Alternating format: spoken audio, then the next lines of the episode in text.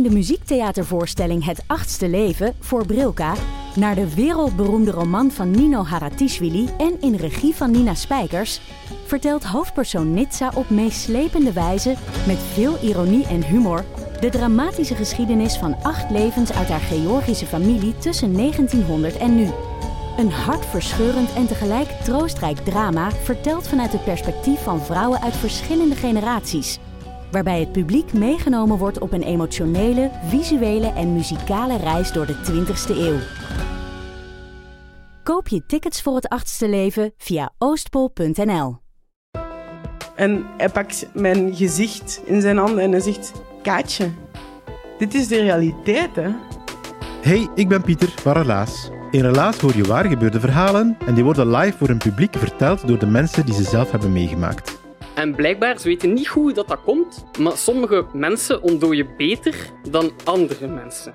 Luister naar Relaas. Je vindt ons terug op alle plaatsen waar je podcast kan beluisteren. De kip zal geen lawaai meer maken. Fijn dat je luistert naar Boeken FM, de literaire podcast van de Groene Amsterdammer en Das Mag.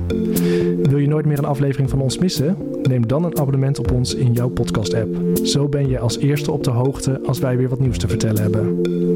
Wij doen ook vreugdedansjes als we een mooie recensie of gouden sterren van jullie krijgen in jouw podcast-app. En je helpt je medemens omdat wij dan ook beter zichtbaar zijn in hun podcast-apps. Zit je met een vraag of heb je opbouwende kritiek voor ons? Mail dan naar boekenfm.dasmag.nl.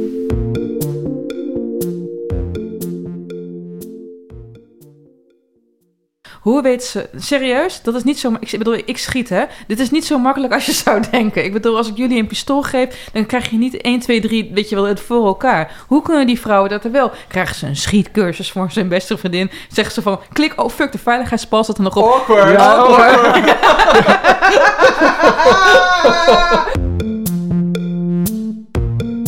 Maar liefst 35 jaar hebben we allemaal moeten wachten. Maar een paar weken geleden was het eindelijk zover. Het vervolg op de Handmade Steel was eindelijk daar. De Testaments. Boekhandels die om 12 uur s'nachts open gingen, rijen voor de kassa. De laatste keer dat dat gebeurde was in het Harry Potter tijdperk. En dan ook nog eens een presentatie waarbij Margaret Atwood zelf aanwezig was en die te volgen was live in verschillende bioscopen wereldwijd. Maar maakt Atwood alle verwachtingen waar? Dat bespreek ik vandaag met Ellen Dekwiets, dichter en literair communist van de NRC. Zeker. Zijn nou communist? Misschien wel, hè? Bijna hetzelfde, nee, hè? nee, soms ben ik een cultuurmarxist. Stop, overnieuw. Ik zei het, volgens mij hoorde ik hem ook. Moet ik het helemaal opnieuw Nee, doen? Nee, nee, nee, laten we maar doorgaan. Dan dit, gaan is we gewoon, door. dit zijn kinderziektes. Ja. En met wie presenteren we dit nog meer, Bob? Joost de Vries, adjunct hoofdredacteur van De Groene Amsterdammer oh en ja, schrijver. Amsterdammer. Dus zit toch een beetje in de Da- foute daar is hij hoek. weer. Ja, hallo. Hey Bob, hoe was dit voor jou met dit boek? Jij werkt bij een eh, boekhandel op het Ja. Spui in de hoofdstad. Merkt je dan dat er een soort van mensen klaar... eh, Nou, ik zal, ze zullen niet in slaapzakken voor de deur hebben gelegen. Nee, maar- helaas. Dat zou ik dan toch leuk hebben gevonden. Maar er kwamen wel mensen. We gingen om tien uur open. En we hadden echt binnen een uur al een flinke stapel verkocht. Ah. Dat, dat, dat maak je echt zelden mee. Eh, met Wellbeck was denk ik de laatste keer dat dat ook wel een beetje zo was. Maar verder eh, is dat vooral denk ik in de Harry Potter... dat in Nederland ook echt boekhandels midden in de nacht open gingen om... Maar begrijp ik het goed? Gingen jullie om tien uur s'avonds open? Nee, tien uur 's ochtends, sorry. Oh, je Wij kon gingen om tien uur 's ochtends, wij, konden, ja. wij mogen uitslapen tegenwoordig. Nee, ik was, in, ja. ik was in Dubai. Of Oh, was je in. Dubai? Oh, toe maar. En Ja. hoe was het om dit boek... In Dubai te lezen. Ja. En eh, daar heb je een hele grote, eh, enorme boekhandel in, in dat enorme winkelcentrum dat ze daar hebben. En daar kwam je binnen en lagen dus echt, nou duizend exemplaren zal overdreven zijn, maar echt een soort manshoge stapel. En ik kocht het boek daar. En toen, De eerste. Toen, en toen boden ze me meteen eh, zo'n eh, zo'n tote bag aan, zo'n linnen tasje. Waarop ik zei, oh, waren de t-shirts op? En toen zei ze, nee, nee, toen kreeg ik dus ook een t-shirt. dus ik bedoel, ik heb echt een, een soort van ehm Market Atwood outfit. Maar waarom heb je die eh, niet aangedaan? ja, die heb ik inderdaad dan? niet aangedaan. Nee, sorry. Dat is, die heb ik Maar- naar de maar- sportschool. wat interessant dat, eh, dat alle vrouwen daar die daar leven onder het juk van nou ja, mannen, daar ook lekker daarover kunnen lezen in dit boek. Ja, dat is wel fijn. Dan komt Vet het lekker... heerlijk. Was het, lag komt het er ook in vertaling dan? komt lag het er ook in het Arabisch of niet? Nee, dit was een Engelse boekhandel. Oké, Eh, Amerikaanse boek. Of een, eigenlijk een Japanse boekhandel. Maar die verkochten bijna alleen maar Boeken. dat was bij ons natuurlijk wel. Wij hadden hem in het Nederlands en in het Engels Ja. eh, liggen. Ja, Ik vind het toch altijd wel fijn. Dat je, heb je, bij sommige boeken heb je dat, dat eh, Waterstones heeft ook heel erg, dat je dan al maanden van tevoren dat er van die, van de nieuwe John le Carré komt, dan en dan. Ja. En, en eh, de nieuwe Margaret Atwood of de nieuwe Hilary Mantel. En het is toch altijd heerlijk. Ja, die spanning krijg je dan. Ja, ja, ja, ik, heel ik, erg. Ik heb eh, eeuwen geleden werkte ik in een boekhandel. En toen kwam Harry Potter 4 uit. Nou, dat ben je allereerst waren we de hele avond van tevoren bezig toen we de pallets binnenkregen van het Centraal Boekhuis. Om alles te stickeren en alles uiteindelijk te stapelen. Je had gewoon echt de ontwrichte schouder van die fucking Harry Potters. En binnen een uur was al je arbeid voor niks, want het was allemaal de winkel uitgegaan. Kon je overnieuw beginnen, want je had echt, we, hadden echt, we hebben huilende kinderen in de winkel gehad, omdat ze te laat waren. Ik weet niet of jullie huilende studenten bij uh, Atheneum hebben gehad. ja de als de studieboeken op zijn, dan hebben we wel wel huilende studenten. Van maar niet- Nee, oh, nee, die, ja, want die komen natuurlijk een dag van tevoren een studieboek halen en dan...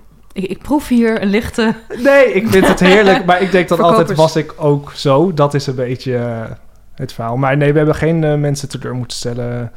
Handmaid's Tale was ruim op voorraad. Gelukkig maar. hey, we hebben eigenlijk best wel een uniek dingetje, want dit is een sequel. Eh, misschien is het handig voor de luisteraars die geen idee hebben, die gewoon de afgelopen jaren in een kelder bij hun vader opgesloten zaten en nu het daglicht zien en denken van wat hebben we gemist? Wat hebben ze gemist? Wat is de Handmaid's Tale, jongens? Ja. Mansplain dat dus even aan mama Ellen, want ik heb natuurlijk totaal geen idee waar het hier over gaat. Volgens mij weet je het prima. Maar ik dacht, ik ga eerst een stukje voorlezen uit dit boek. Ja. Waarin, eh, naar mijn idee, al een, waarin je een goed beeld krijgt van, eh, van de Handmaid's Tale. En ik dacht, dan moeten jullie daarna maar aanvullen. een paar maanden na de bruiloft van Paula en mijn vader... kregen we bij ons thuis een dienstmaagd. Ze heette Van Kyle, omdat mijn vader bevelvoerder Kyle heette. Ze heeft eerst een andere naam gehad, zei Sunamite. De naam van een andere man. Ze worden doorgegeven tot ze een baby hebben. Het zijn toch allemaal sletten, dus hoeven ze geen echte naam. Sunamite zei dat een slet een vrouw was die met meer mannen was gegaan dan met haar eigen man. Maar wat betekende was gegaan, wisten we niet precies. En dienstmaagden waren dubbel zo sletterig, zei Sunamite, omdat ze niet eens één man hadden. Maar je mocht niet onbeleefd tegen de dienstmaagden zijn of ze sletten noemen, zei tante Vidala, terwijl ze haar neus afveegde, want ze waren dienstbaar aan de maatschappij als boetedoening en daar moesten we ze dankbaar voor zijn. Nou, dat ben je natuurlijk nog steeds niet. Nee, maar het dacht, toen ik dit las, dacht ik, dit is wel een mooie... ja, dat is het zeker. Ja. Waar leven wij in, jongens? We leven in, in Gilead. En dat is een, eh, een staat die zich ergens in... ehm praat ik heel erg door je heen? Of ik, ik dacht dat je me een voorzetje nee, nee, ja, we leven in Gilead, een staat. Dat is een soort van, ja. van New England. En ooit ging het heel slecht met de Verenigde Staten. En ehm waren allerlei ja, natuurlijke rampen op. eh het moet er lekker schimmig over. Nou ja, ze is wel heel duidelijk over in het testament. Ik neem een stokje even over. Er was op een gegeven moment een vruchtbaarheidsvermindering bij het Dat- blanke ras. De geboortecijfers daalden. Eh, erg syfilis, wat het ook is, weet ik niet, want ik doe niet aan SOAS. En aids namen heel erg toe. Waardoor ze dus een soort vruchtbaarheidsprobleem hadden. Op een gegeven moment werd er een aanslag gepleegd op de regering. Congres, afgeroepen. ja. Hele congres. Geen Kevin Bacon. Of eh, hoe is het met die Designated Survivor, de super slechte Netflix-serie. Geen Kevin Bacon. Gelukkig maar. Maar jammer dat het toen opeens wel een, ehm, hoe noemen ze dat ook weer? Een theosofische dictatuur werd? Nee, een Ja, theocratisch. Ik. theocratische, Ja. patriarchale dictatuur. Dus een deel van Amerika is veranderd Ja, in het is een deel van. Amerika, dus dat Texas hoort er niet bij. Nee, Californië, niet. Missouri En- niet. Het ligt een dus- beetje zo rond New York en zo. Ja, dan, New. England, dus Ja. boven, boven New York. En, ehm, ja, en in Gilead hebben de, de extreem conservatief eh, christelijke... Ja, christelijk wordt ook niet echt heel Nee. duidelijk. Maar goed, het, het, gaat duidelijk op de Bijbel geënt, op het Oude Testament geënt. En ehm, omdat, de omdat er een vruchtbaarheidscrisis is... zijn de vrouwen die wel kinderen kunnen baren worden tot... eh, ja, seksslaaf is niet het juiste woord, maar het scheelt ook niet heel veel. Nee, de vrouwen worden eigenlijk eh, op een gegeven moment, dat, dat is het mooie. Ik, ik, ik maak even een sprong voorwaarts, want dat verhaal van Gilead, dat is dat land, wordt zowel in A Handmaid's Tale uit 1984 als eh, deze roman eh, uitgebreid getoond. En op een gegeven moment worden de rekeningen van vrouwen bevroren, vlak na die, na die staatsgreep. Alleen mannen of een dichtstbijzijnde mannelijk familielid mogen erover beschikken. Vrouwen krijgen de keuze om mee te doen aan het regime, of feitelijk ja, de kogel te krijgen, of gevangen genomen te worden en gedegradeerd te worden tot, eh, ja, baarmoeder eigenlijk. En ja, de grap is toen eh, Margaret Atwood met het idee aan het stoeien was van de Handmaid's Tale... eh, toen zat ze in, eh, in Berlijn, in, in West-Berlijn. Berlijn was toen nog in tweetjes gesplitst. En toen had ze al ehm, vergelijkbare omwentelingen zien gebeuren in Roemenië, vlakbij. Hè. Het werd, abortus werd daar tot moord verklaard. De vrouwen kregen salarisverhoging als ze een kind baarden. Nou ja, een kleine, kleine 30 jaar daarvoor, 40 jaar daarvoor, het Derde Rijk, kreeg je als vrouw een medaille als je op een gegeven moment... Nu toch ook weer in Hongarije, geloof ik, krijg je ook eh, geld als je kinderen Oh, als vrouw zijnde. Ja, Ja, ja. dat is. En, Nou ja. en die babyfabriek in Nigeria. Ik vind het gewoon wel sympathiek om een vrouw een medaille te geven. Gewoon, gewoon je eigen Ja. vrouw. Ik bedoel, Ik bedoel, Oh, het is je gek om vrouw- iemand anders... Zo van bedankt dat we je blaas hebben mogen ruïneren en je gebit. Ja, dat je nooit meer... je gebit. En sorry voor de totaalruptuur, maar Ja. voor de poefie. Hier heb je de medaille. Ja, ja. Ja. Nou, ja. En als je kijkt naar Argentinië, vorig jaar ontzettende eh, abortus eh redden, omdat ze wilden terugdraaien, Zuid-Afrika natuurlijk. Dus ehm, Margaret Atwood heeft over deze roman gezegd, over deze ja, speculatieve fictie, dystopie, hoe je het ook noemen wil, dat ze er geen dingen in wilde plaats laten vinden die nooit eerder al in de geschiedenis hebben plaatsgevonden. En niet voor niets haalt ze ergens in een van de twee boeken haalt ze Mark Twain ook aan. Hè? Ik bedoel, ges- geschiedenis is geen cirkel, maar het rijmt wel. Ja. En dat zie je hier duidelijk in terug. Nou, de intrige in The Handmaid's Tale, deel 1 hiervan, is eigenlijk duidelijk. Hè? Een jonge vrouw is beland als dienstmaagd. Dus dat wil zeggen als eh, ja, Of, baar- ja, baarmoeder op pootjes in een gezin. Ehm, Of Fred. Ze heeft ook geen naam meer. Dus Nee. ze, heet- Nee. ze wordt genoemd naar haar baas. baas Fred. Dus hij is of Fred. Dus Ja. in het Nederlands wordt het dan van Fred. En eh, nou, eigenlijk is het, het, een- een- dat boek, The Handmaid's Tale, is een beetje in, in twee verhaallijnen door haar, elkaar heen lopen. Aan de ene kant krijg je het verhaal van of Fred, die ooit heeft geprobeerd te ontsnappen aan het regime en er toch in terecht is gekomen, hoe dat is gegaan. En aan de andere kant krijg je dus het verhaal van haar op dat moment. Eh, en dan krijg je dus heel erg te zien hoe zij wordt voorbereid om een kind te baren van of Fred. Hoe eigenlijk die, dat systeem waarin zit niet houdbaar is. In de zin van de, de vrouw des huizes is ongelooflijk gemeen voor haar. En de man des huizes, die natuurlijk op heel veel manieren een verkeerde vent is, krijgt eigenlijk een soort van sympathie voor haar. Daar heeft ze wel een soort van rare klik mee. Dan vervolgens probeert, kan ze niet zwanger worden omdat hij of Fred eh, van alles mankeert. En probeert die Nou, Fred bedoel je dus? Fred, ja, sorry. Ja, die Fred verkeert alles. En die, die moet, de vrouw des huizes probeert haar dan weer te koppelen aan een van een beveiliger die bij haar werkt van de geheime dienst. En ja, zo krijg je van binnenuit eigenlijk eh, op allerlei verschillende manieren de hypocrisie van dat regime mee. Ja, en eh, het bijzondere is, kijk, eh, de, de Handmaid's Tale is vormgegeven als allereerst een dystopische toekomstroman, maar ook als een gothic novel. Hè? Ik bedoel, het is grotesk, de Ja. toekomst waarin het zit. Eh, het is heel erg ook een soort blauwbaard verhaal. Hè? Ze is niet de eerste dienstmaagd van Fred. Er is ook al een eerdere, die heeft zelfmoord gepleegd. Er zijn in dat huisje, net zoals bijvoorbeeld ook in gothic-achtige novels zoals Jane Eyre. Allemaal ruimtes waar de vrouw niet mag komen. Er zijn geheimen op zolder. Er zijn dingen gebeurd in de studeerkamer van de man. Het is allemaal dus dreiging, dreiging, dreiging. En dat had allemaal samen met de sociale identiteit van de vrouw. Ze heeft, Ja, Er zijn verboden gebieden die natuurlijk symbool staan voor haar eigen seksualiteit. Waar ze van wil genieten, maar dat kan natuurlijk niet. Dat is verboden, haar eigen lichamelijkheid. En ik heb voor deze podcast natuurlijk het boek gewoon herlezen, The Handmaid's Tale. En het trof mij hoe goed het was. Ik weet niet of jullie het hebben herlezen of dat jullie het gewoon wel een keer hebben gelezen voor de fun of zo. Maar ja, een paar jaar Ja, terug. ja, Ja, voor terug, de ja. Ik heb stukken Ja, herlezen, maar ik, heb, ik vond het... eh, ja, ik weet nog heel goed dat het me zo erg... Het beklemde heel erg. Ja, en, dat had ik, ook. en dat had ik met dit boek ook weer. met het testament. het is Ja, met zo, testamenten. dat, dat blijft toch wel een van de grote bizarre dingen. Dat het in 2017 Handmaid's Tale, dus een boek dat op dat moment 33 jaar oud was, het best verkochte, best verkochte fictiewerk op Amazon op. Amazon.com was. Ja. En dat heeft natuurlijk alles te maken met Trump. En het gevoel, er was toen zo'n foto ook in de tijd online dat Trump net een paar maanden president was.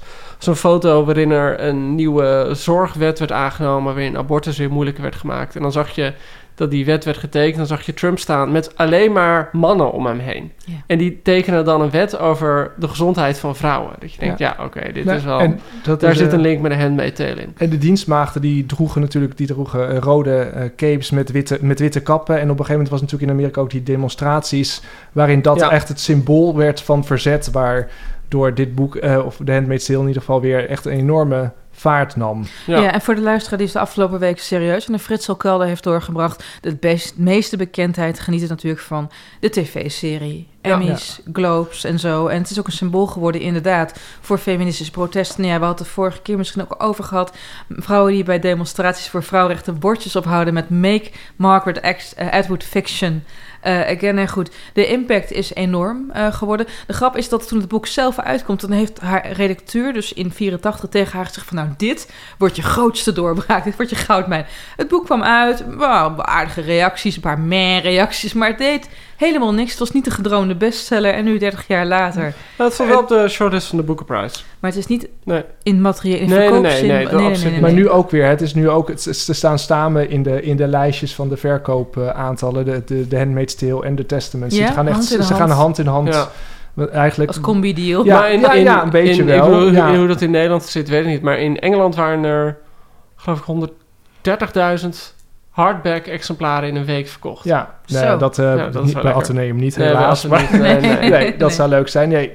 Eh, maar dat, dat valt mij heel erg op in de winkel. Dat mensen ook eh, zeggen van... Ja, dit is nu zo erg in het nieuws. Ik heb de Handmaid's Tale nog nooit gelezen. Dat ze dan die ja, ja, nee, nee, dat nemen. zeggen ze bij de Ja. uitgeverij van Edwood ook. Dat de Handmaid's Tale in Nederland nu pas een enorm Ja. begint te lopen.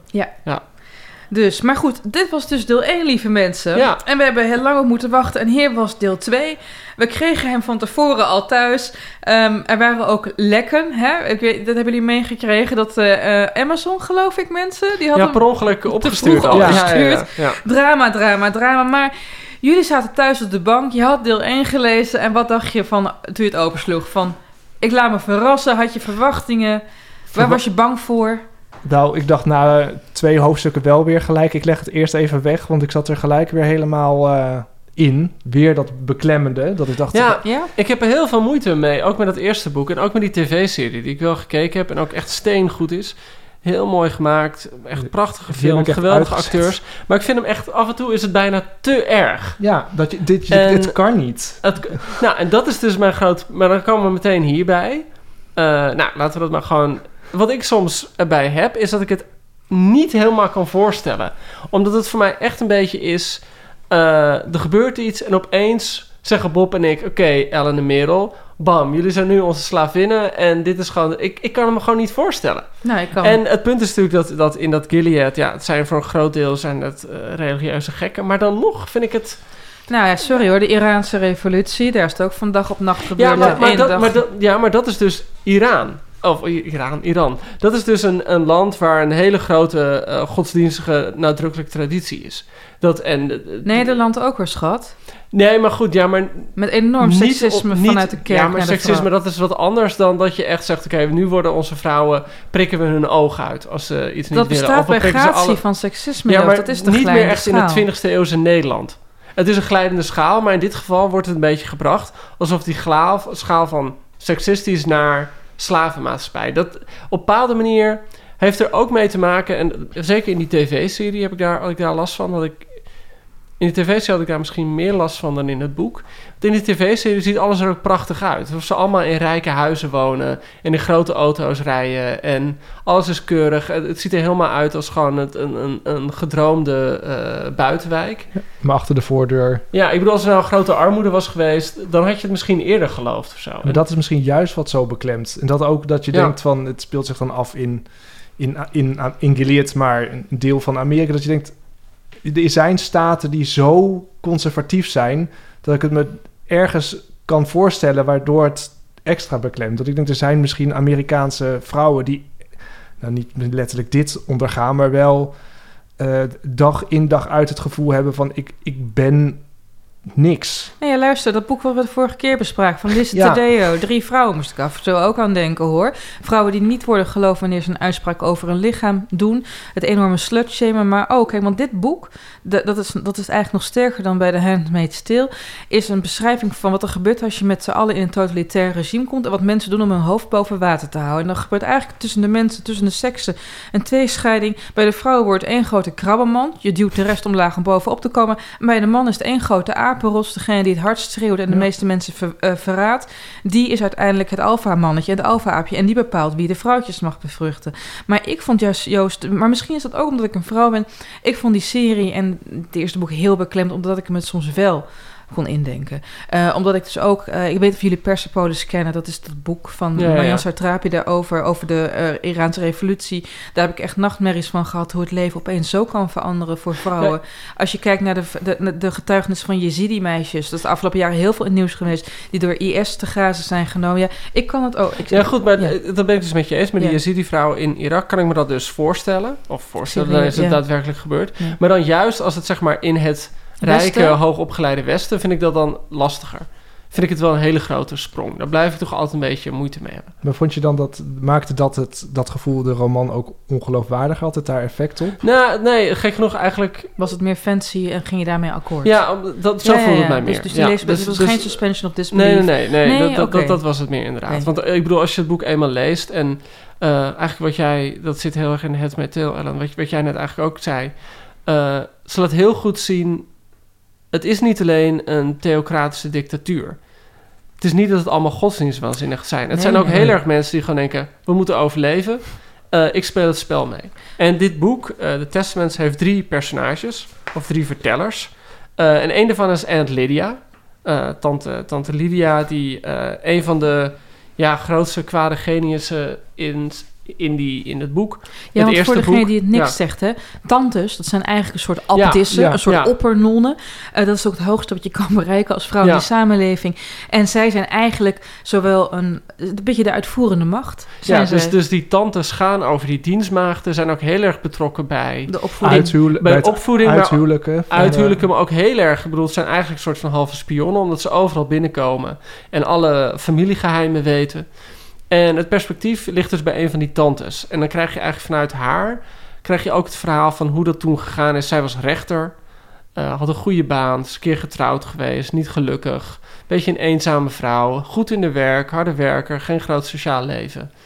En die wordt dan samen met allerlei andere succesvolle vrouwen opgesloten. Nou, allemaal eh, advocaten en ja, rechters. advocaten en rechters. Geen ja. psychologen. Nee, nee, Hier komen ja. we later nog even Ja. op. Maar En eh, dus die worden allemaal bij elkaar gezet in een eh, voetbalstadion. Een beetje zoals de, de Latijns-Amerikaanse junta's.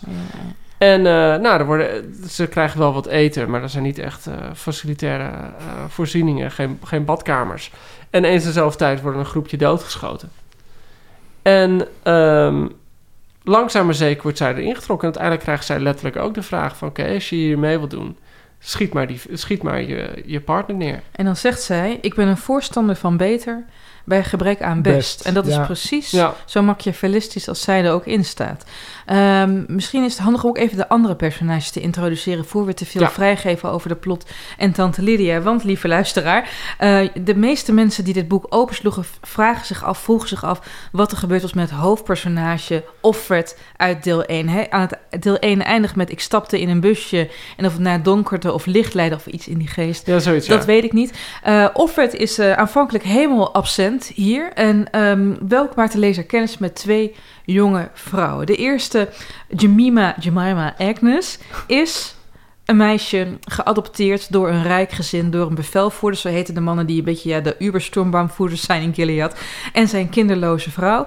En van haar krijgen we mee, dat vond ik heel interessant, hoe het is om op te groeien in zo'n dictatuur. Ja, In deel 1, in Handmaid's Tale, zie je natuurlijk via Offred hoe raar het is opeens geen rechten te hebben. Maar dit meisje vindt het normaal. En eh, met in het achterhoofd, toen ik dit las, kijk, zij zit er heel erg tegen uithuwelijking op. Tot, ja, eh, vanaf tot- een dertiende mogen meisjes in Gilead worden uitgehuwelijkd. En er lopen heel veel griezels rond Ja. die denken van nou, 13 is nog lang niet jong genoeg. Ja.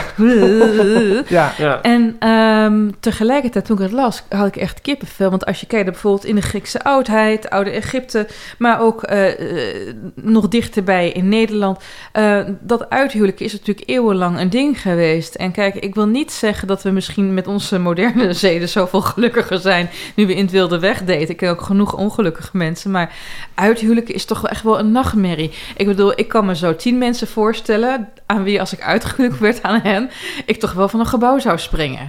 En Ja, niet- ik, kan me ook tien mensen voorstellen als ik daar aan uitgelukt zou worden. Ik denk, nou, dat... eh, Noem maar eens ja, eentje, eentje, Joost. Misschien luistert- Eentje. Misschien luisteren. Maar Ja. goed, eh Hanna als je luistert. En, nee, goed, ja, nee. En ehm, dat vind ik eigenlijk ook een van de beste, de interessantste perspectieven van dat meisje. Omdat je dan heel erg ziet, daar moest ik soms wel aan winnen, wat ze niet weten allemaal. Ja. Dus ze kunnen zitten- niet schrijven. Ze kunnen eigenlijk niet schrijven, ze Niet worden niet. Nee, oh, stop, ze kunnen eigenlijk niet schrijven. Ze Ze worden, het bewust wordt het hen Ja. niet geleerd. Op een gegeven moment zegt, leert ze later, leert ze wel schrijven. Zegt meisje, nou, dit is een A. En zegt ze, wat, Wat- is een A? ja. Ja, ja, ja. Op een gegeven moment ook, wat is een bibliotheek? Ja. En ehm, eh, dus, dus je ziet heel erg hoe ze dom worden gehouden en geen idee hebben. Eh, wat ik trouwens een van de slimste vindingen vond van de Handmaids, van, de, van het oors- oorspronkelijke boek, was het einde. Het eindigt er inderdaad mee dat June in een busje stapt en dan weet je niet of ze nou door spionnen bevrijd gaat worden of dat ze juist de ondergang tegemoet gaat. Maar er is daarna nog een epiloog. En dat speelt zich dan weer 200 jaar in de toekomst af, waarin er een congres is van historici die bij elkaar komen en zeggen: Goh, wat is er nou eigenlijk gebeurd in Gilead? En die maken er gewoon grapjes over. Er zitten ook een paar seksistische grapjes en zo. Dus blijkbaar is dat nog niet helemaal de wereld uit. En dus je weet dat, dat Gilead een soort rare tijdspanne is geweest. Dat even heeft bestaan. En, eh, dus, dus het is wel iets waarbij je altijd zit na te denken over: Goh, hoe zou dat gaan eindigen? En dat zit natuurlijk in dit boek ook veel ja, meer. Ja, heel sterk, heel sterk. En dus dan hebben we eigenlijk nog... de- dus we hebben eigenlijk het perspectief van Tante Lydia, de opperbaas. Ja. We hebben het perspectief van Jemima Agnes, oftewel het meisje binnen het systeem. En dan is er nog een derde chick. Daisy. Daisy, wat is er met Daisy? Daisy is, eh, woont in Canada, het buurland van, eh Amerika. Oh, dat dames en heren. Dat, eh, we hoorden het hier voor het eerst. Canada, buurland van Amerika. Ja, nou, Jezus, Joost, doe nou even aardig! Sorry, Bob. Uh, Bob is nieuw. Sorry. Joost is ongesteld. het buurland van Gilead. Waar Ja. veel vluchtelingenkampen zijn voor, eh, voor inwoners van Gilead ook. Ja, Gileadianen. Ja, waar eh, eh, een, een, een soort terreurorganisatie-achtig probeert Gilead te ondermijnen. Maar Daisy ziet alles wat er in Gilead gebeurt op tv en wil eigenlijk naar Gilead toe. Toch? Nee, nee. ze is wel nog gefascineerd. Ja, ze is gefascineerd. en ze gaat demonstreren. Ja, Ja, maar, ja maar, maar Daisy groeit op als een vrij normale Ja. Canadese tiener.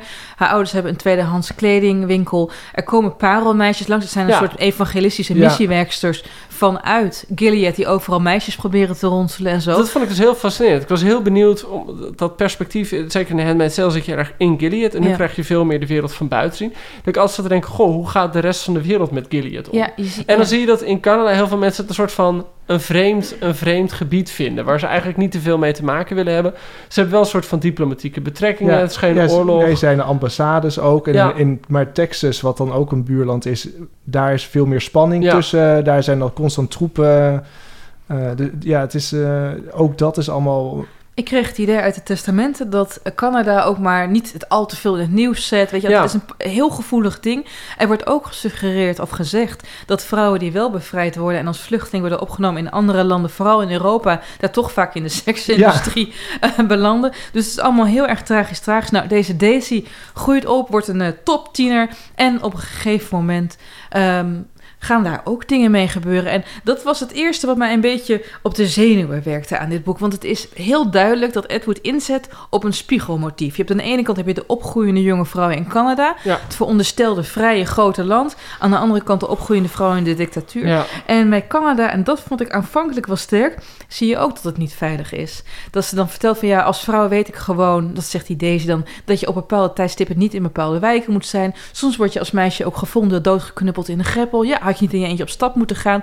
En dat, Ja. dat vond ik, en daar is Edward op haar sterkst in deze roman, die morele ambiguïteit. Je bent er, ner- nergens eigenlijk helemaal veilig als vrouw. Simpelweg omdat je minder spierkracht hebt dan als een man. Simpelweg omdat je een object van begeerte bent. Je bent hoe dan ook de Sjaak. Of het nou Canada is of Gilead. En ze is Canada af en toe ook echt wel, wat ik echt heel grappig vond, ook echt wel flink aan het bashen. Hè? Ik bedoel, Canada is helemaal niet zo happy om vluchtelingen op te nemen. Canada vindt het eigenlijk allemaal wel best. Ja, Echo, echo. echo, echo. Echo, echo. Blame Canada, om het maar met Park te zeggen. Put Oh, dat is een poopy. tijd geleden. ja, Ja. ja, ja. ja. Ja. Ehm, Nee, ja, goed. Oh, Oh. oh. ja. De vragen. Geachte Bob, Ellen en Joost. Ik zat zojuist braaf tijdens mijn werk op de Southern Access jullie podcast te luisteren. Zoals gewoonlijk zat ik te genieten. Kon ik me niet aan de gedachte onttrekken dat Joost wel iets wat banaal sprak over de cultuur op de Zuidas. Op basis van wat vrijmubo's bij de Blauwe Engel beweerde hij dat men hier zich niet bezig zou houden met een veranderende maatschappelijke opvatting over vrouwen. Dat lijkt me te kort door de bocht. Ik neem aan dat de redactie van de Groene Amsterdammer ook wat losser wordt bij de borrel ter afsluiting van een lange werkweek. Maak je geen zorgen, Joost. Ook hier gaat men met de tijd mee. Met vriendelijke groeten, Christian. Haken. Nou Joost, wil je reageren? Ja, ja. Dan gaat, gaat een man, gaat, Christian, gaat een man zeggen, hoe het met de vrouwen is op de Zuidas. Dit is pas patriarchaal, Christian. Schaam je. Hebben, wij, hebben wij Joost wel eens los zien worden tijdens borrels? Ik niet. Ja, ik wel. Ja, maar dan ben je gewoon heel blij. Ben je Ja, heel blij heel- konijntje. heel maar, blij, maar dan ben je dan blij tegen jongen. jongens en meisjes ben je een heel Tegen blij iedereen ben ik konijntje. blij. Ja, ja. Nee, de sympathieke jongen ben ik eigenlijk. Nou, vraag 2. Dankjewel, Christian. Dankjewel, Christian. Lieve Ellen, Joost en Bob. Ellen schreef op de radio in februari de overwerkte jeugd Salinger voor en Nine Stories heeft me de nodige inzichten gegeven. Waarvoor dank, Ellen. Hebben jullie verhalenbundels, romans of wellicht poëzie gelezen die je enorm hebben doen relativeren en je het gevoel hebben gegeven dat het allemaal wel op zijn plaats valt? PS, Boeken FM is mijn favoriete podcast. Liefs, Pia. Oh, Jee. oh dankjewel. Nou, Wie was dit? Sorry, ik Wie- vond zijn naam niet. Pia. Pia. Ja, ja, dankjewel, Pia. dankjewel. Nou, weet je, ja, een, een, een boek dat relativeert is vaak niet een boek dat oppept. Toen ik The Road van Cormac McCarthy las, wat gaat over soort, eh, hoe de wereld eruit ziet na een ecologische ramp en hoe kut alles is, dacht ik, nou, het valt best wel mee met de opwarming van de aarde. Maar het was niet zo dat ik me echt heel erg relaxed voelde. Relativeren dankzij boeken, poëzie en dergelijke. Wat hebben jullie? Ik moet denken aan, eh, dat ken jij vast wel, Ellen. eh, Antonius door zijn god verlaten van Cavavis. De, poëzie bedoel je? Poëzie, ja, dat is een gedicht van de Griekse dichter Cavavis. Cavavis. Die leefde denk ik 100 jaar geleden, iets langer of zo. Mm, iets minder lang. Ja, en ehm, dat gaat eigenlijk heel erg over... Het, het, ik bedoel, het is een redelijk verhaal gedicht over Marcus Antonius, de Romeinse krijgsheer... die eh, weet dat hij Alexandrië, de stad die hij heeft veroverd... waar hij met eh, Cleopatra samenwoonde, eh, gaat verliezen. En eigenlijk ziet hij de mensen door de straten trekken... en weet dat hij afscheid moet nemen van die stad. En het is een soort van heel mooi, zalvend gedicht over ja, dat je dingen, dat dingen komen en dingen gaan weer. En daar moet je moedig mee omgaan. En dat hoort bij het leven. Oh ja. En dat is een soort van heel berustend gericht over afscheid nemen. Helle Haase kon het niet lezen zonder in tranen uit te barsten. Weet ik wel. Oh ja, op zo'n manier relativeren. Ja, nou, dus dat, dat- ja, dat, ja. dat is voor mij werkt dat een boek dat dat. ja. Ja, dat, of een verhaal of een gedicht, dat, dat me gewoon een soort van. ehm, Ik heb dat met het gedicht, ehm, hoe noem je dat? Je hebt me alleen gelaten van Hans Lodijzen. Waarin iemand nou, vertelt dat hij alleen gelaten is. Maar hij eh volhardt eh, in de onmogelijkheid dat iemand je echt helemaal kan verlaten. Ik kan het voordragen, het is een kort gedicht. Gaat als volgt. Je hebt me alleen gelaten, maar ik heb het je al vergeven, want ik weet dat je er nog bent. Vannacht nog toen ik door de stad dwaalde, zag ik je silhouet in het licht van een badkamerspiegel. En gisteren hoorde ik je in het bos lachen, zie je, ik weet dat je er nog bent. En laatst reed je me voorbij in een oude auto met daarin drie andere mensen. En hoewel je de enige die was die niet omkeek, wist ik toch dat jij de enige was die mij zag. De enige die zonder mij niet kon leven en ik heb geglimlacht. Want ik wist zeker dat je me niet verlaten zou. Morgen zal je terugkomen, of anders overmorgen, of misschien wel nooit. Maar je kunt mij niet verlaten. voor de luisteraars, Ellen doet dit wel echt uit haar Ja. hoofd hoor. Dat is niet dat ze Ja. een papiertje erbij Nee, heeft. maar dit vind ik prachtig. Ja, dit is is zo mooi. troostend. En het allertroostendste, volgens mij heb ik het hier al meerdere keren bij Boeken FM over gehad. Kijk jou even aan, Mail Jan Arends. Slotgedichten uit zijn bundel Lunchpauzegedichten. Dat is ook... eh, ja, ja, Oké, ik ben niet bang voor wat er zal gebeuren. Er zullen witte dieren door het veld gaan lopen en dat zal alles zijn. Wat, een- weet je wel, heerlijk. Bob, over naar jou. Ja, ik moest eigenlijk gelijk denken aan eh Portnoy's Complaint van Philip Roth. Ik, ja, nee, ik, ben, ik, ik ben opgegroeid in, in Veendaal, zoals ik al een keer eerder heb gezegd. Soort, Heel soort, erg. soort Gilead. soort Gilead, Soort ja, misschien wel. Maar toen ik dat las, dacht ik, het kan altijd nog erger. Het kan altijd nog zo zijn dat ik nog meer in de gaten heb gehouden... dat familie of mensen om je heen nog... dat het nog benauwender is. Ik vond dat... dat ik dacht, ja, het valt eigenlijk allemaal wel mee in Veendaal... op die middelbare school van mij. Ik, wat ik bijvoorbeeld een heel troostend boek vond, eh, Norwegian Wood van Haruki Murakami. Dat, jullie fronsen een beetje bij. Maar goed, Ja, op een of Ja, andere manier... heen gekomen. Nee, Het is geen Kafka Was, was, dat voor, was dat voor mij echt zo'n verhaal dat, of een boek waarin ook gewoon gaat over verlies en over melancholie. En toch zit een soort van heel heldere acceptatie in van het leven. En dat, dingen, dat je dingen kwijtraakt. En eh, dat, dat- ja, dat raakt me altijd heel erg. Eigenlijk het enige boek van Murakami waar ik af en toe echt naar teruggrijp. Niet, niet Kafka op het strand. Nee, Kafka op het strand ben ik niet zo weg van. Hoewel The Wild Sheep Chase vind ik ook echt... Ik heb sinds, eh, dus de jacht op het verloren schaap Ja. geloof ik. Die vind ik ook die vind ik echt hilarisch en ik vind geweldig. Sputnik Liefde zijn beste. En ehm, ik zou eigenlijk... Die wil ik wel heel graag weer een keer lezen... maar nog een keer zin en tijd eh, om... ehm nou, zeg maar zo'n magnum opus, hoe heet het ook weer? IQ 84. Nee, nee, nee. Dat was echt een flink De potje kut. spotvogelkroniek bedoel je? Ja, ja, de, ja. de Opwind- spotvogelkroniek. opwindvogelkroniek. Oh, ja. Die vond ik echt geweldig. Sorry. Ja. Te veel jonge deels Spaarde, mensen om me spaarde heen. spotvogel. Ja. Ja. Ja. Maar echt boeken die echt troosten? Nee. Nee, ja, ik weet niet. Nee, wel. Ik heb, ik heb toch wel boeken waar je met een goed Oh, gevoel uitstapt. Tuck Everlasting, dat is, een, dat is een kinderboek. Natalie Babbitt, kennen jullie dat? Hebben jullie ervan gehoord? gaat over een meisje die ontmoet een jongen die onsterfelijk is. En dan wordt ze op een gegeven moment voor de keuze gesteld, wel of niet sterven. En ehm, nou ja, dan kiest ze voor sterfelijk te zijn. Dat het gewoon de beste eh, oplossing of de beste keuze aller tijden was geweest. En dat, is, dat wordt zo prachtig verwoord in het boek, ook heel poëtisch. Het is een Hoe beetje dat, zei je? eh Tuck Everlasting. Het is een beetje de kinder, de young adult versie van eh, Niemand is onsterfelijk van Simone de Beauvoir. En een Ja, stuk vrolijker. Oké. Ja, dat is prachtig. mooi, ja. ja, het is echt heel erg mooi. Het is heel mooi. Maar goed, ik hoop dat dit een antwoord is, lieve Pierre. Du, du, du, du. Waren dit alle vragen? Een vraag. Terug naar de deprimerende, Ja, de- grauwe ja, wereld van, van Gilead. Gilead. Jongens, we, we hebben spoiler. dus... We gaan, we gaan lieve Nou, we hoeven luisteraar... niet te, spoilen, we moeten maar... een klein een tipje van de sluier, of in dit geval, ja, toch de, de niqab, want daar loopt zo ongeveer iedereen in rond daar in Gilead, eh, moeten we oplichten. Dus eh, voor degene die het boek echt nog heel graag willen lezen, doe alsof je dit niet hoort. Op een gegeven moment, ehm, een paar, vlak nadat Offred vlucht uit Gilead, is er ook sprake van een dienstmaagd die haar baby meeneemt en vlucht. Baby Nicole. Die baby heet Nicole. En zij wordt een beetje, jij zei het net heel mooi, Bob. Zij wordt een beetje de Madeleine McCain van Gilead. Kan Ja. je dat toelichten? Nou, dat was het eerste wat in me opkwam, want Baby Nicole ehm, is overal. Op een gegeven moment, de klaslokalen hangen vol met eh, portretten van, eh, van Baby Nicole in gouden lijstjes. Eh, de, de kranten, de... de Een soort martelaar is ja, het is een soort martelaar. Er, er hangen overal posters in de stad. Er wordt iedere dag moeten, moeten, worden, moeten worden gebeden voor, voor baby Nicole.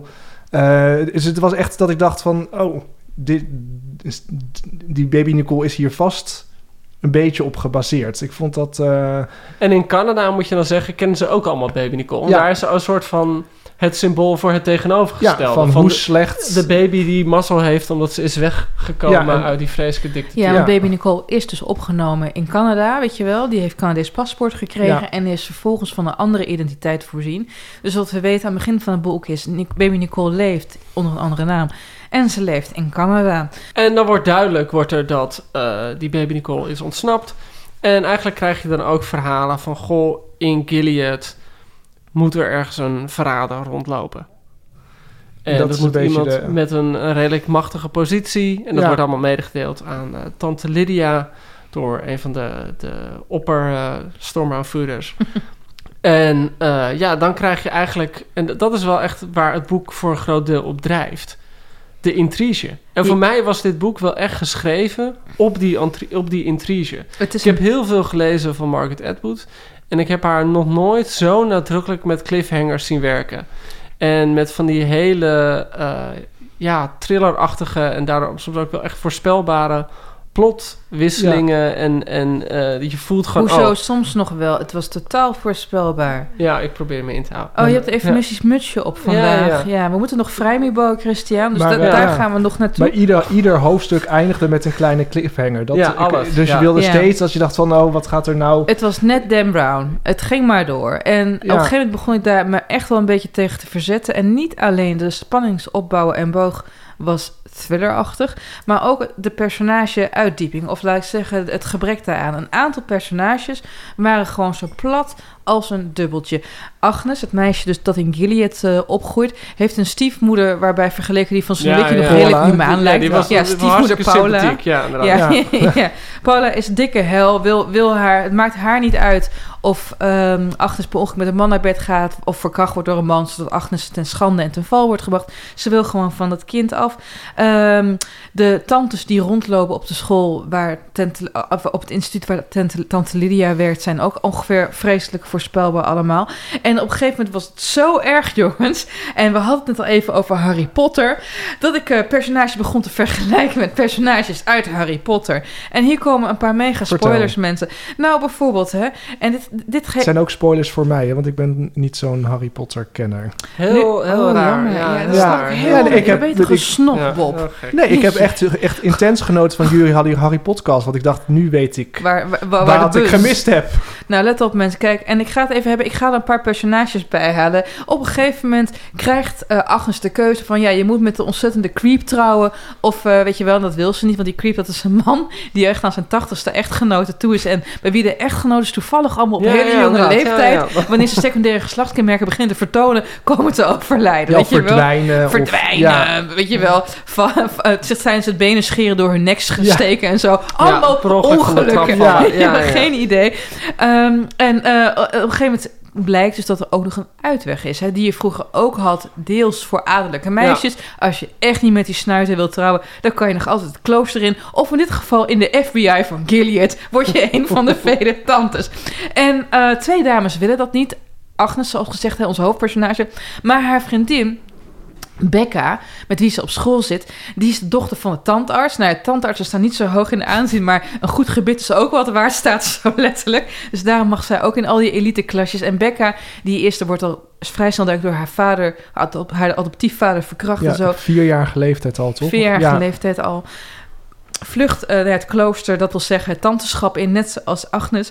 En Becca, die is ontzettend principieel. Die gelooft oprecht in God. En die is een paar jaar eerder dan eh, Agnes aangenomen op dat instituut... wat een soort Zwijnstein is voor hogere spionkunde en vrouwenverraadschap. En Becca is een soort Hermelin Griffel, jongens. Heel idealistisch, die weet alles en is moreel compleet zuiver. Net zoals dat Hermelin Griffel in de Harry Potter-series de echte heldin is...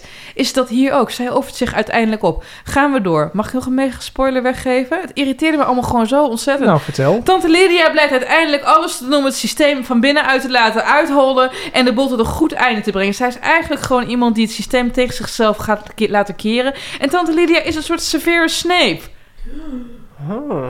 Ja, toch? Op het laatst wordt er zo benen een standbeeld voor haar. Een plakkaat voor haar. Net zoals voor Snape aan het einde van Ja. Harry Potter onthuld. Ja, maar ze heeft, toch, ze heeft al een standbeeld aan het begin van het boek. Ja, ja. Ja, maar een standbeeld in Canada. Dat ziet anders Oh, dan een standbeeld ja. in Gilead. Zo, ja, ja. een standbeeld in, in Noord-Korea is anders dan een standbeeld in Ja, Zuid-Korea. maar dat, dat vind ik ook iets heel raars en tegenstrijdigs. Ze hebben dat in dit vorige boek en ook in die tv-serie. En het is ook wel interessant.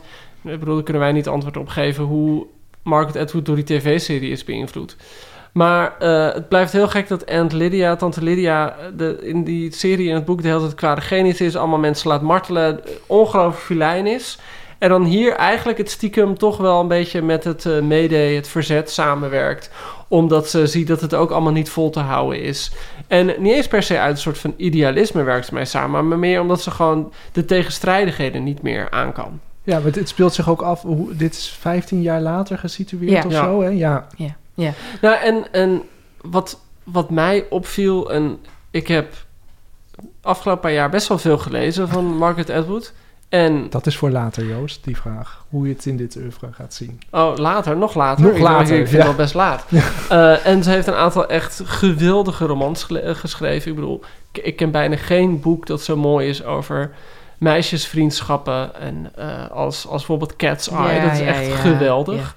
Eh, Filijn, scherp. Zo filijn. Eh, ik ken bijna geen eh ja, familie-epos zo mooi als The Secret Assassin. Eh, echt geweldig. En wat ik bij dit boek een beetje het gevoel had... al kijk je gewoon naar de stijl, hoe het geschreven is... ik denk dat Margaret Atwood heel goed wist... dit is een boek dat ik niet schrijf om de Booker te winnen... hoewel ze gek genoeg op de shortlist Ja, staat. Eh, dit is een boek dat ik schrijf voor de miljoenen. En ik vond haar in haar stijl heel uitleggerig. Oh, ik ja. vond echt dat de echt... En ik bedoel, dat heb ik bijna nooit. Dat ik echt dacht van deze zin kan je wegstrepen, deze zin kan je wegstrepen. Dat ze echt dingen drie keer opnieuw zei. Gewoon maar om het maar zo de drempel zo laag mogelijk te houden. Er werden dingen allemaal uitgelegd die voor mijn gevoel al helemaal vanzelfsprekend waren. Ehm, dat, dat neem ik kwalijk. En wat ik er verder kwalijk nam, is dat zeker het opstandige pubermeisje in Canada, Daisy. Ja, dat vond, ik echt, dat vond ik nou niet echt een geloofwaardig pubermeisje. Dat was echt een beetje hoe je oma denkt dat een pubermeisje denkt. Dat Eh, die, en die taalgebruik oma is ook, natuurlijk ja. ooit dat, maar dat taalgebruik en eh, de manier waarop ze praten en, en dingen zeiden. Ik dacht van nou, ze is echt wel wat slimmer dan dat. En ehm, ja, Maar wa- waarom heeft ze dit? Is het dan ook misschien onder druk van de populariteit van de serie Nee. of van de uitgever? Dat ze dit, Engagement. Ik denk engagement, maar ik denk misschien ook wel dat ze een, misschien wel een beetje de behoefte had om Gilead terug te veroveren. Ik bedoel, het is toch dat, dat de, eer, de, tv-serie die van Tale is gemaakt, het eerste seizoen is letterlijk het eerste boek. En nu zijn er twee seizoenen verder, dus Ja. ze hebben dat verhaal zelf heel Ja, erg ze, de handen, ja, uitgebreid. ze heeft de handen ervan en, afgetrokken. ze heeft- toch en ook? het is toch alsof ze zegt van ja, maar dit is mijn creatie. Oké. En, Maar ze is en ik pak het weer geconsulteerd, terug. toch? Hè? Ja, ja, de ja, seriemakers. Nee, ja, maar, maar Joost, dit ben ik compleet met je eens. En ik denk dat, kijk, en dat, dat is die filijnen. Eh, dit boek heeft, dat hebben trouwens ook critici al gezegd, zonder spoilers weggegeven, een ja, toch een bitterzoet happy end. Weet je, een wrang happy end. Zeker omdat er ook weer bij deze roman een epiloog is waarbij ze op zo'n Ja. 100 jaar later Gilead-congres, Ja, weet je wel. Dat, dat vond ik wel heel mooi. Zometeen weer tijdens de pauze gaan met z'n allen Gilead-liederen zingen, weet je wel. Dat, terwijl wij Ja. bijvoorbeeld soms ook liederen zingen uit streng kerkelijke genootschappen bij de vrouw ook redelijk het onderspit deelt. Ehm, mag ik een paar dingen opnoemen die, waaraan ik me bijzonder, bijzonder hard heb gestoord? Go ahead. Op een gegeven moment is deze, onze Canadese vriendin, die moet, die moet infiltreren in Gilead. En die krijgt dan een soort van martial arts-achtige Neo in de Matrix Katniss Everdeen opleiding. En dan moet ze bijvoorbeeld ook leren hoe ze mensen hun ogen indrukt en zo. En ze is dan een typische tiener. Terwijl ik denk van, nou ja, als je een meisje bent en je hebt een missie, dan ga je toch fucking toch het omarmen en niet zeggen, eeuw, oogballen. Er zitten dingen in. Ik ben heel erg fan van het eerste deel, het eerste boek van de Hunger Games. Het is echt over toe één op één. Op een gegeven moment zegt Garth, dat is dan de begeleider van Daisy, die zegt van, I bet on you, it would be fantastic if you'd win. Dat zegt Senna ook tegen Katniss Everdeen in de Hunger Games, vlak voor ze die moordarena in wordt geschoten. Ik vind die waarin ze leert vechten ontzettend slecht geschreven. Er zitten inconsistenties in. Als je kijkt hoe erg het geloof wordt opgedrongen aan die jonge vrouwen in Gilead, vind ik de vorm waarin het geweten van Agnes zelden opspeelt heel verdacht. Terwijl ze aan het Ja. einde van het boek wel loopt te bidden. Terwijl ze wel en zeker in zekere zin een christelijk geweten eh, zou moeten hebben. Drie. Op een gegeven moment krijgen al die rechters, weet je wel, aan het begin van het boek, die vrouwelijke rechters, die krijgen de keuze: join ons en be- bewijs dat je bij ons wordt door je vriendin af te knallen. Hoe weten die vrouwen hoe ze een pistool moeten hanteren? Hoe weten ze. Serieus? Dat is niet zo. Ik bedoel, ik schiet hè. Dit is niet zo makkelijk als je zou denken. Ik bedoel, als ik jullie een pistool geef, dan krijg je niet 1, 2, 3, weet je wel, het voor elkaar. Hoe kunnen die vrouwen dat er wel? Krijgen ze een schietcursus voor zijn beste vriendin? Zeggen ze van, klik, oh fuck, de veiligheidspas zat er nog op. Awkward. Ja, awkward.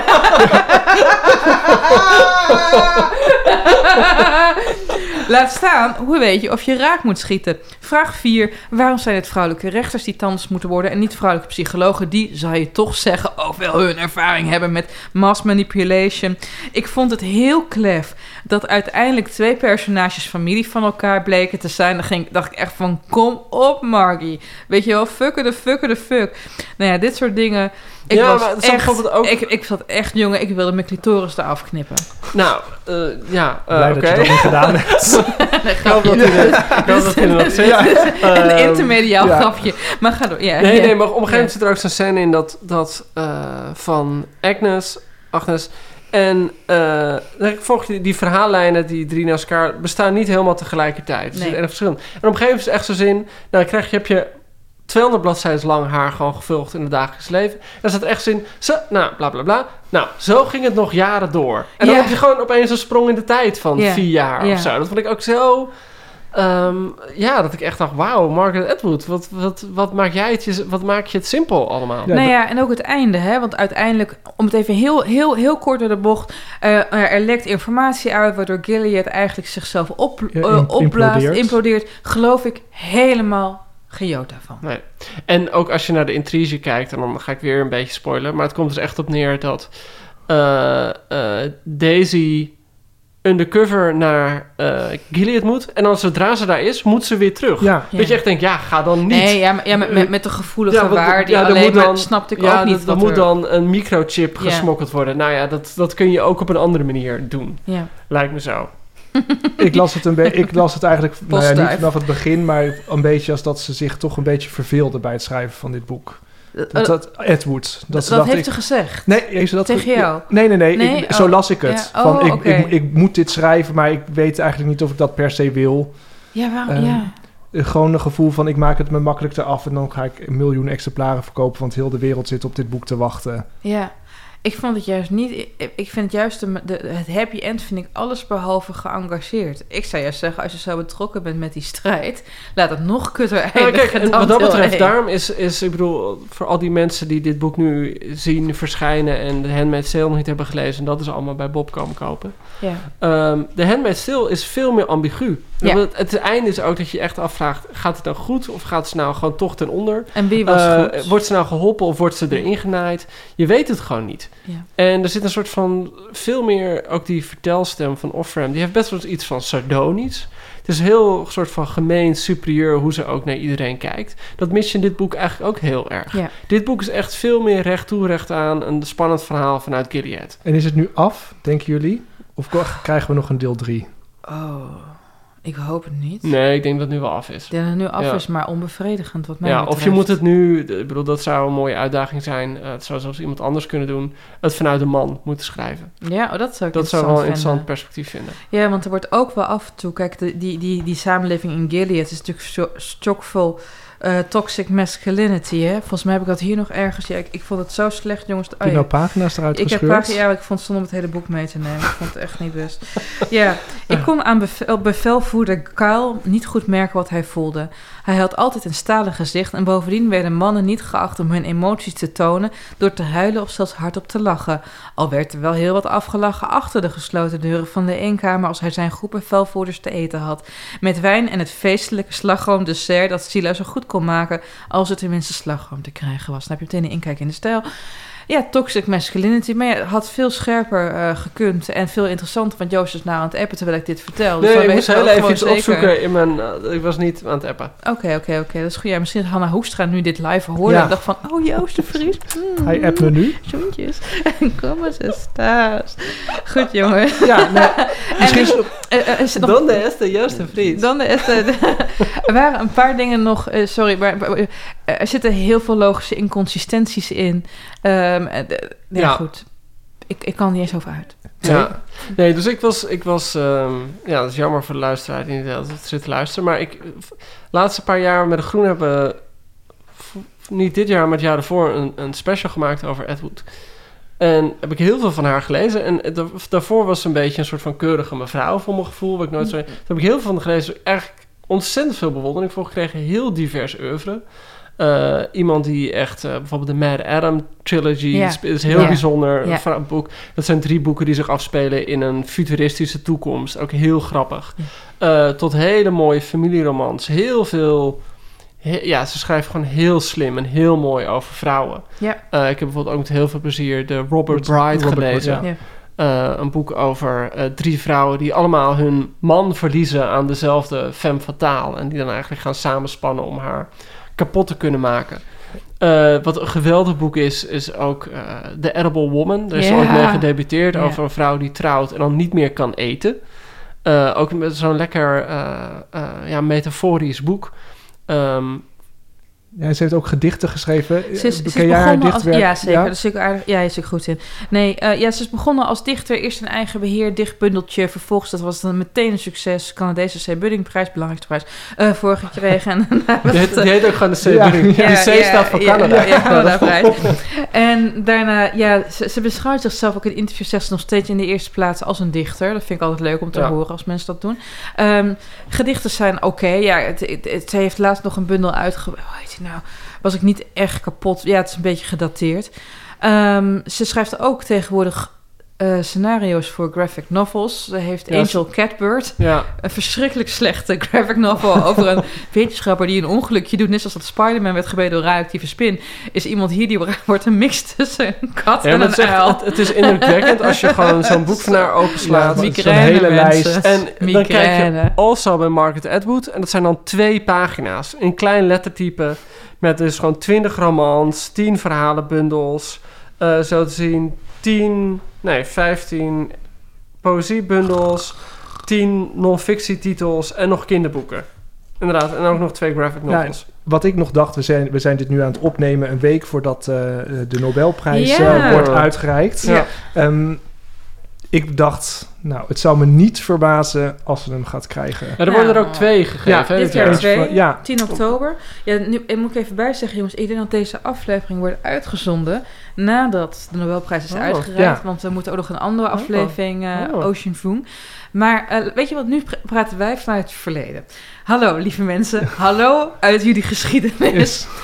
Ehm Edward, die kans is heel groot. De boekjes denken het eh, zit toch meestal wel in de goede richting. Ishiguro, toen hij hem twee jaar geleden won, zei ja, het eerste wat hij zei als reactie toen hij mom was, ik moet Margaret Atwood een excuustelegram sturen.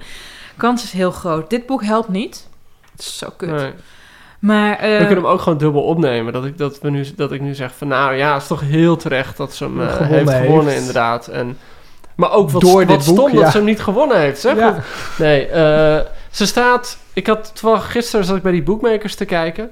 Waar je nooit op, heel erg op kunt varen. het is nou, altijd... Als je op nummer 1 staat bij de boekmakers, dan, word win je hem niet. nooit. Nee. Op 1 staat Anne Carson. Oh, Oh. ja, dat vind ik leuk. Ehm, oh. En op 2 staat Marise Condé, de, de eh, Frans-Caribische schrijfster. En dan heb je Haruki Murakami en Xan Kao. Ja, maar, oh, die, maar ja. volgens mij is hij, heeft hij vorig jaar een enorme MeToo-hets Nou, gehad. oké. dus en volgens ja. mij stond, stond Edward op 6 of zo. Oké. Maar ik denk eigenlijk niet dat zij hem wint, omdat hij over het algemeen redelijk wordt verdeeld tussen taalgebieden ook. En de vorige ging weer naar een Engelstalige, dus... Mm, Nou, Ja, omdat het er twee Van, zijn, mij mag ze hem echt van harte winnen. En, eh, maar niet door dit boek. nee, wel? nee, maar dan op basis van haar vorige, Van haar eh, oeuvre. van haar Ja. vorige werk.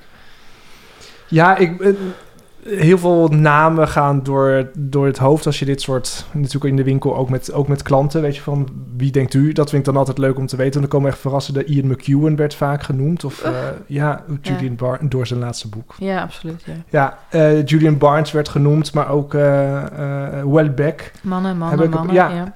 Winterson heb ik zelf nog even Ja. aan moeten denken. Dat is gewoon een naam die eh, oppopte. Ik, ik weet het niet. Ik, ga- ik hoop toch een keer Cees Notenboom eigenlijk. Dat Zou ik leuk leuk zijn, vinden. ja. Eh, hebben we nog blurbs? Het Margaret Atwood is het testament een lekkere accent. Ik Ah, vond die is heel oh, slecht. Ja, goed. Ze zijn Ik- Ja, je goed. kunt Ze zijn je kunt beter, Joost. Dus ja, oké. De testamenten, ik vond het oude leuker. Beter. Ja. Het oude testament. Ja, ja. Bob?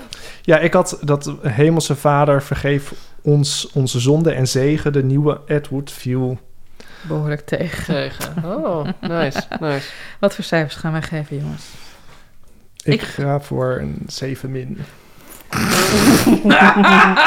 Als ode aan mijn voorganger ook. Oké. Ja. Oh ja, Oh. een voorganger. Wie was dat Wie was dan? het ook weer? Ja, Shit. die zijn we kwijt, toch? Eh, huisman, buurman. Buurman. Peter Buurman. Nooit meer zo gehoord. Oké, juist. Wat voor cijfer geef jij? Eh, ik geef hem een 5. Oké. Ja, ik heb vier. Sorry, Ja, jongens. dan komen we uit op een... Dus eh, een 9, een, een, d- een, een 5,3. Ja, Ja. Nou ja, lijkt me een terecht cijfer. Ja. ja, jammer. Ja, jammer. Jammer. Geen nummer 3 dan maar. Hè? Nee, Nee. Geen Nee. nieuw test, niet nog een nieuwer niet testament. een nieuw, een nieuw Nieuwer testament, nee. testament. nee. Dank jullie wel. Wat Is dit een moment om te zeggen dat iedereen Boeken FM op Facebook of op Instagram. Facebook op Instagram moet volgen? Oh, zet wel op Ja, Instagram. en we gaan, we gaan voortaan op Instagram ook onthullen welk, eh, wat, wat een nieuw boek is. Dus ik mag nou niet zeggen dat ons volgende... Oh, nee, nee, dan word je uitgevraagd. En wat ik ook nog wil zeggen is... Hey, word allemaal lid eh, en abonnee van de Groene Amsterdammer. En wat ik wil zeggen is... Ellen, Joost. je hebt een nieuw boek uit. Ja. Het is gewoon een hartstikke mooie bundel. hogere natuurkunde. Heb je hem al Dus gelezen? ik je Nee, van dat- Ellen houdt Ja. in... nog niet gelezen, maar ik bedoel, als je... Ja, koop Ellen. Bij mij? Eh, ja, om tien uur 's ochtends gaat het ateneum open. Ligt bij de Hogere toonbank. natuurkunde. Ligt gewoon bij de toon. Ja, gewoon waar voor, je voor het geld. grijpen, ja. Heerlijk. Naast Edward ligt Naast ze. Edward. Nou, Voor elke duizendste koper doe ik een dansje. T-shirts zijn er ook toch? T-shirts, ja. met. Ellen erop. Ja, Ja. ja, en hoedjes. ja. Bedankt voor het luisteren. Dank jullie Bedankt wel. Bob. Yes. Bedankt Joost. En stuur je mails naar... eh, waar moet je nu naartoe sturen, Bob? boekenfm.dasmag.nl Nou, kijk eens aan.